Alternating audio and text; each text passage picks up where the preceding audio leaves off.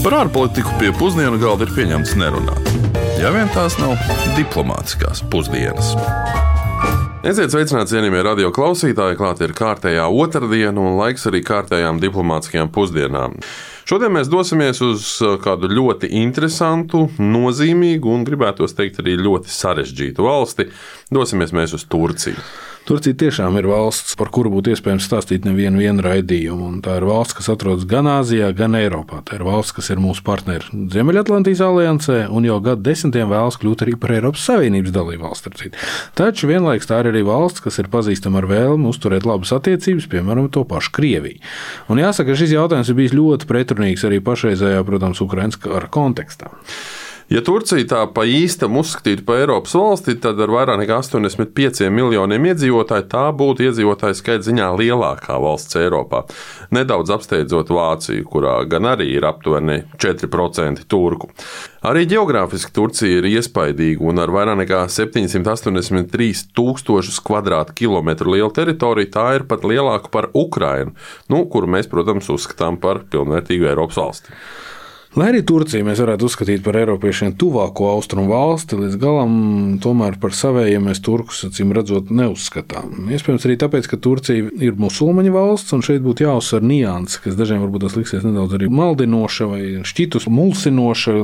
Musulmaņu valsts nebūtu nenozīmē, ka tā ir arābu valsts. Un Turcijā apmēram 75% iedzīvotāji ir turki, un apmēram 19% ir kurdi. Un pārējās etniskās minoritātes, tostarp arābi, veido vienu apmēram apmēram 10% no visas sabiedrības. Bet nu gan paklausīsimies, ar ko Turcija asociējas Rīgas ielās sastaptajiem klausītājiem, prognozēja kā ar kurortiem. Kādas asociācijas ir ar Turciju? Turismu zeme. Nu, tur tikko bija vēlēšanas. Protams, Erdogans uzvarēja. Varbūt, ka nevajadzēja viņam uzvarēt. Ne, viņa ir skaista zeme, ja, bet nu, man nepatīk liels pilsētas. Lielisks. Ļoti man patīk šī zeme. Stambula vispār man bija sapnis no 5. klases, kad mācījos vēstures skolā redzēt Sofijas katedrāli. Tas bija man mērķis, un es tur arī pabiju. Bet vēl skaistāk bija zilā mošeja.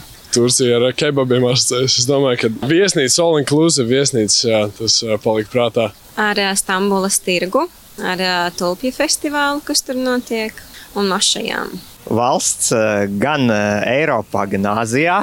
Silts klimats, daudz cilvēku, darbīgi cilvēki. Nu, pēdējos simts gados savu valsti vareni labi ierīkojuši. Turcijas mūsdienu politika nosaka ne tikai unikālā ģeopolitiskā situācija, atrodoties, ja tā var teikt, pasaules krustcelēs, bet arī valsts iespaidīgā vēsture. Turcijas tagadējā teritorija patiesībā tiek uzskatīta par vienu no visilgāk apdzīvotajām vietām uz planētas, un Turcijas teritorijā ir valdījuši ne tikai anatolieši, asīrieši, romieši, nu, protams, arī Maķedonijas Aleksandrs, persieši, mongoļi un daudz citi, bet arī pašu Selģuku turku ekspansiju un apvienība ar persiešiem 200 gadu garumā, otrā gada tūkstoša pašā sākumā, ir uzskatām par pamatiem mūsdienu Turcijai. Nu, īstie pamati, gan, protams, ir meklējami Osmaņu impērijas izveidošanā pēc mongoļu padzīšanas 13. gadsimta beigās. Un šī impērija pastāvēja līdz pat Pirmajam pasaules karam un ir atstājusi milzīgu iespēju ne tikai reģionu valstīs, tostarp arī Balkānos, bet arī pasaules politikā kopumā. Nacionālismu ideju dzimšana un augošā popularitāte veicināja dažādus iekšējos nemierus daudzās impērijās, tostarp arī Turku impērijā. Un šie neiedomājamie centieni mazināt etniskās problēmas, tostarp faktiski veicot genocīdu pret armēņiem, asīriešiem un grieķiem, Pirmā pasaules kara laikā neglāba Osmaņu impēriju no sakāves kopā ar pārējām asas valstīm. Osmaņu impērijas izbeigšanās gan bija modernās Turcijas aizsākums. 1923. gadā, nu, respektīvi tieši pirms simts gadiem, tika dibināta Turcijas republika. Tās vadītājs bija viens no ietekmīgākajiem 20. gadsimta politiķiem - Mustafa Kemals Ataturks, jeb visu turku tēvs. Politiķis, kurš savu 15 valdīšanas gadu laikā modernizēja Turciju, atteicās no islāma dogmatisma un ieviesa sekulāru, jeb laicīgo valsts pārvaldi. Ataturka laikā valsts tika industrializēta, sekmējot arī modernas ekonomikas radīšanu. Vienlaicīgi tika turpināta arī turcifikācija. Pats Ataturks gan nomira no alkoholisma, nu, konkrēti rakijas cītīgas dzeršanas. Viņa labā rokā Ismēts Junonu turpināja kemalisma stila reformas un pasludināja Turciju par neitrālu Otrā pasaules kara laikā. Un konflikts ar Padomju Savienību kontroli pār Turcijas slavenajiem Bosforu un Dardaneļu šaurumiem rezultējās tajā, ka Turcija satuvinājās ar Amerikas Savienotajām valstīm. Un jau 1952. gadā pievienojās arī NATO. 1959. gadā Turcija, ko mēs jau minējām, jau pieteicās par asociēto locekli Eiropas ekonomiskajā kopienā. Bet visa šī valsts iespaidīgā vēsture, protams, ir atstājusi iespaidu uz to, kā Turcija redz sevi pasaules politikā. Un jāsaka, arī pēdējo 20 gadu laikā Turcija kārtējo reizi piedzīvo visai dramatiskas pārmaiņas no rietumu alianšu balstē, tā var teikt, kļūstot par valsti, kurā dominē viena cilvēka vara. Un, nu, jau vairāk nekā 20 gadus par šo dominējošo cilvēku Turcijas politikā pilnīgi droši var nosaukt pašreizējo prezidentu Reģepu Tāju Erdoganu, kurš, starp citu, nedaudz vairāk kā pirms nedēļas uzvarēja prezidentu vēlēšanu otrajā kārtā un turpinās pildīt valsts vadītāja pilnvars jau trešo piecu gadu pilnvaru termiņu. Un Erdogana kļūšana par premjerministru 2000. gadu sākumā iezīmē Turcijas atkopšanos no ekonomiskās krīzes, kas noved pie straujiem un apjomīgiem ieguldījumiem dažādos infrastruktūras projektos. Nu, dažādas īstenotās reformas šajā laikā veicināja Turcijas tuvināšanos arī Eiropas Savienībai. Pēc tam, kad Erdogans 2014. gadā kļuva par pirmo demokrātiski ievēlēto prezidentu, valsts gan ir sākus virzīties pilnīgi pretējā virzienā.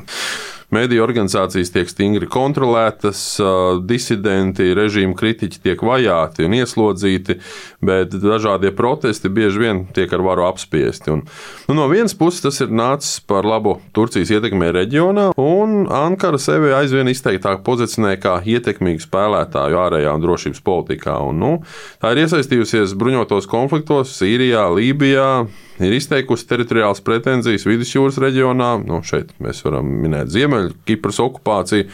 Un tā vienlaikus arī meklē sarunu iespējas gan ar Ķīnu, gan Krieviju. Un tas viss notiek laikā, kad Turcija joprojām ir arī NATO dalībvalsts. Turklāt ne jau kura kāda NATO dalībvalsts, bet gan otrā lielākā NATO valsts ar 447 tūkstošiem karavīru. Salīdzinājumā tikai nedaudz vairāk karavīru būtu Vācijai, Francijai un Kanādai kopā ņemot, jeb nedaudz vairāk nekā 19 skaitliski mazākajām NATO dalībvalstīm kopā ņemtām. Jā, un visu šo iemeslu dēļ tās nozīme nevar par zemu novērtēt. Arī tāpēc, ka tieši Turcijas iebildumu dēļ pašlaik tiek kavēta Zviedrijas gaidāmā pievienošanās NATO. Nu, šeit gan jāpiemina, jāatgādina, ka patiesībā jau Turcijas iebildumi nav par pašas Zviedrijas gatavību vai negatavību būt par pilnvērtīgu NATO dalību valsti. Jautājums ir par Turcijas iekšējām cīņām ar politiskiem oponentiem, tostarp kurdiem, arī tā devētās Gilena kustības atbalstītājiem, kuri pēc 2016. gada valsts apvērsuma mēģinājumu tika pasludināti par teroristiem un ir atraduši patvērumu ārvalstīs, tostarp arī Zviedrijā. Nu, bet, lai vai kā arī būtu, neapmierinātība arī Turcijas sabiedrībā ar Erdoganu valdīšanu gadu gaitā ir pieaugusi, un arī šo vēlēšanu iznākums ir spilgts šī apgalvojuma pierādījums. Jo Prezidents vēlēšanās uzvarēja tikai otrajā kārtā, un opozīcijas vienotiem kandidātam Kemalam Mikiličam Daroglu iegūstot gandrīz 48% balsu. Nu, tātad uh, faktiski Turcija ir sašķelta uz pusēm. Jā, un šī viedokļa dažādība mums likās īpaši interesanta, jo, kā jau esam novērojuši, arī daudzās tepat mums pavisam tuvu esošās valstīs, un arī dažās Eiropas Savienības valstīs, stingrās dūres valdīšanas stilam ir uh, ļoti daudz atbalstītāju, un arī pašmājās, gan citās valstīs.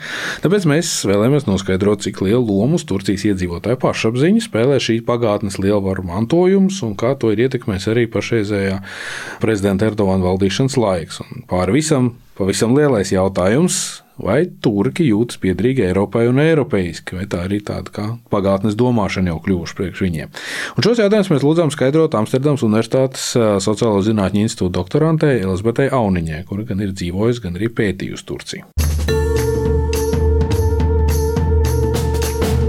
Šī agrākā impērijas loma, manuprāt, nav tik viennozīmīga mūsdienu pašapziņā. Daudz iespaidīgāku lomu es teiktu, ka spēlē tieši Osmaņu impērijas sabrukums, Stambuls okupācija un jaunās republikas izveidošana 23. gadā.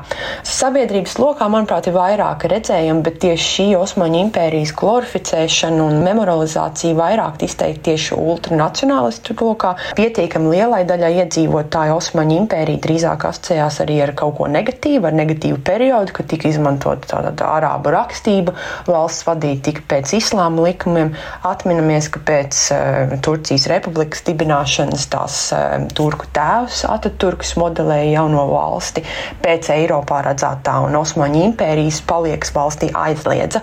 Dažādos politiskā spektra punktos mēs drīzāk redzam uzskats, ka Turcija šodien ir iespaidīgāka par Osmaņu impēriju. Un ar to es gribētu teikt, ka šīs lielās valsts status mūsdienu turku pašapziņā spēlē, manuprāt, mazāku lomu kā periods, kad tā, tā, tā, impērija sabruka un okupācijā turki teju zaudēja savu zemi. Valstī ir ļoti liela sensitivitāte pret jeb, teikt, pieņemtu, jeb uzspēlētu un kultivētu uzskatu, ka ir ārvalstu iejaukšanās vai ka pārāk cieša savienība ar Eiropas valstīm vai ASV ir varbūt pat saistīta ar periodu, kur Turcija atkal varētu zaudēt. Nu, kā jau to mēs redzam arī citās valstīs, bet, protams, viennozīmīgi šis ir arī jautājums, kas tiek publiskajā telpā un mēdījos aktīvi kultivēts, lai radītu šo uzskatu par mēs un viņiem, kā tas arī tiek darīts citviet pasaulē. Par pievienošanos Eiropai un būšanu eiropeiskiem procentiem varijē starp dažādām aptaujām, bet vēl aizvien svārstās starp tiem 50 līdz 60 procentiem un citās aptaujās pat līdz 70, bet, nu, jebkurā gadījumā pēc tā mēs saprotam tātad virs vidējā. Un šie ir tie turki, kas uzsver, ka viņi vēl ar vienu vēlētos pievienoties Eiropas Savienībai. Vienlaicīgi arī gan, tur, gan sarunās, kas man pašai ir bijušas, gan arī dažās aptaujās, mēs redzam, ka viņi ir arī skeptiski noskaņoti un uzskata, ka Eiropa pati to nevēlas. Un bieži tiek citēts arī slavenais bijušā Francijas prezidenta Sarkozy vārdi par to, ka Turcija nekad nepievienosies Eiropas Savienībai. Tā arī izliet šis arī medijos populārais uzskats, ko, ko arī novērojam citās pasaules valstīs, kas varbūt nejūtās līdz galam piederīgas vai gribētas rietumos. Proti, uzskats, ka ASV un Eiropas noriens ir sācies. Tā tad ir šī multipolārā pasaule, un šajā multipolārajā pasaulē Turcijai vairs nav tik nozīmīgi sevi cieši sasaistīt ar ASV vai ar Eiropu, bet ir drīzāk stabili jāatrod savs virziens un kurs arī patstāvīgi, kur daļa no iedzīvotājiem uzskata, uzskata, ka tas varbūt iespējams jau notiek vai jau ir noticis. Un šo uzskatu mēs redzam arī šajā vēlēšanu kampaņā. Mēs redzējām no abām teikt, pusēm. Protams, atšķirība šeit ir tāda, ka viena puse uzskata, ka šis kurs ir aizsākts un Turcija ir plaukst un zeļ, jeb pretēji ir arī tas diametrāli pretējais viedoklis, ka Turcija un tās nākotnes jauniem cilvēkiem tiek iznīcināta šobrīd. Protams, runājot par tik nozīmīgu valsti kā Turcija, nevar nepieminēt arī tās ekonomiku. Un kebabu. un kebabu. Bet gal galā Turcija ir 19. lielākā ekonomika pasaulē pēc IKP apjomā. Taču pēc pirktspējas paritātes Turcijas un Latvijas rādītāji faktiski ir vienādi. Un uh, šeit gan jāpiemina, ka Turcija jau diezgan ilgu laiku cīnās ar dažādām nopietnām ekonomiskām problēmām. Nu, piemēram, inflācijas līmenis pašlaik pārsniedz 40%. Tas ir krities. Nacionālās valūtas liras vērtība gada laikā ir samazinājusies uz pusi. Jā, un šeit jāpiemina uzreiz kāds uh, ļoti nozīmīgs un arī traģisks faktors, kas ietekmē Turcijas ekonomisko stāvokli. Un uh, tā bija šī gada 6. februāra spēcīgā zemestrīce, kuras laikā dzīvību Turcijā zaudēja gandrīz 50. 51 tūkstotis cilvēku, bet pusotrs miljonus palika bez pajumtes. Un tiek rēķināts, ka valstī tika nodarīta vairāk nekā 100 miljārdu eiro liela zaudējuma. Lai cik būtu paēdis, vienmēr ir vieta arī desertam.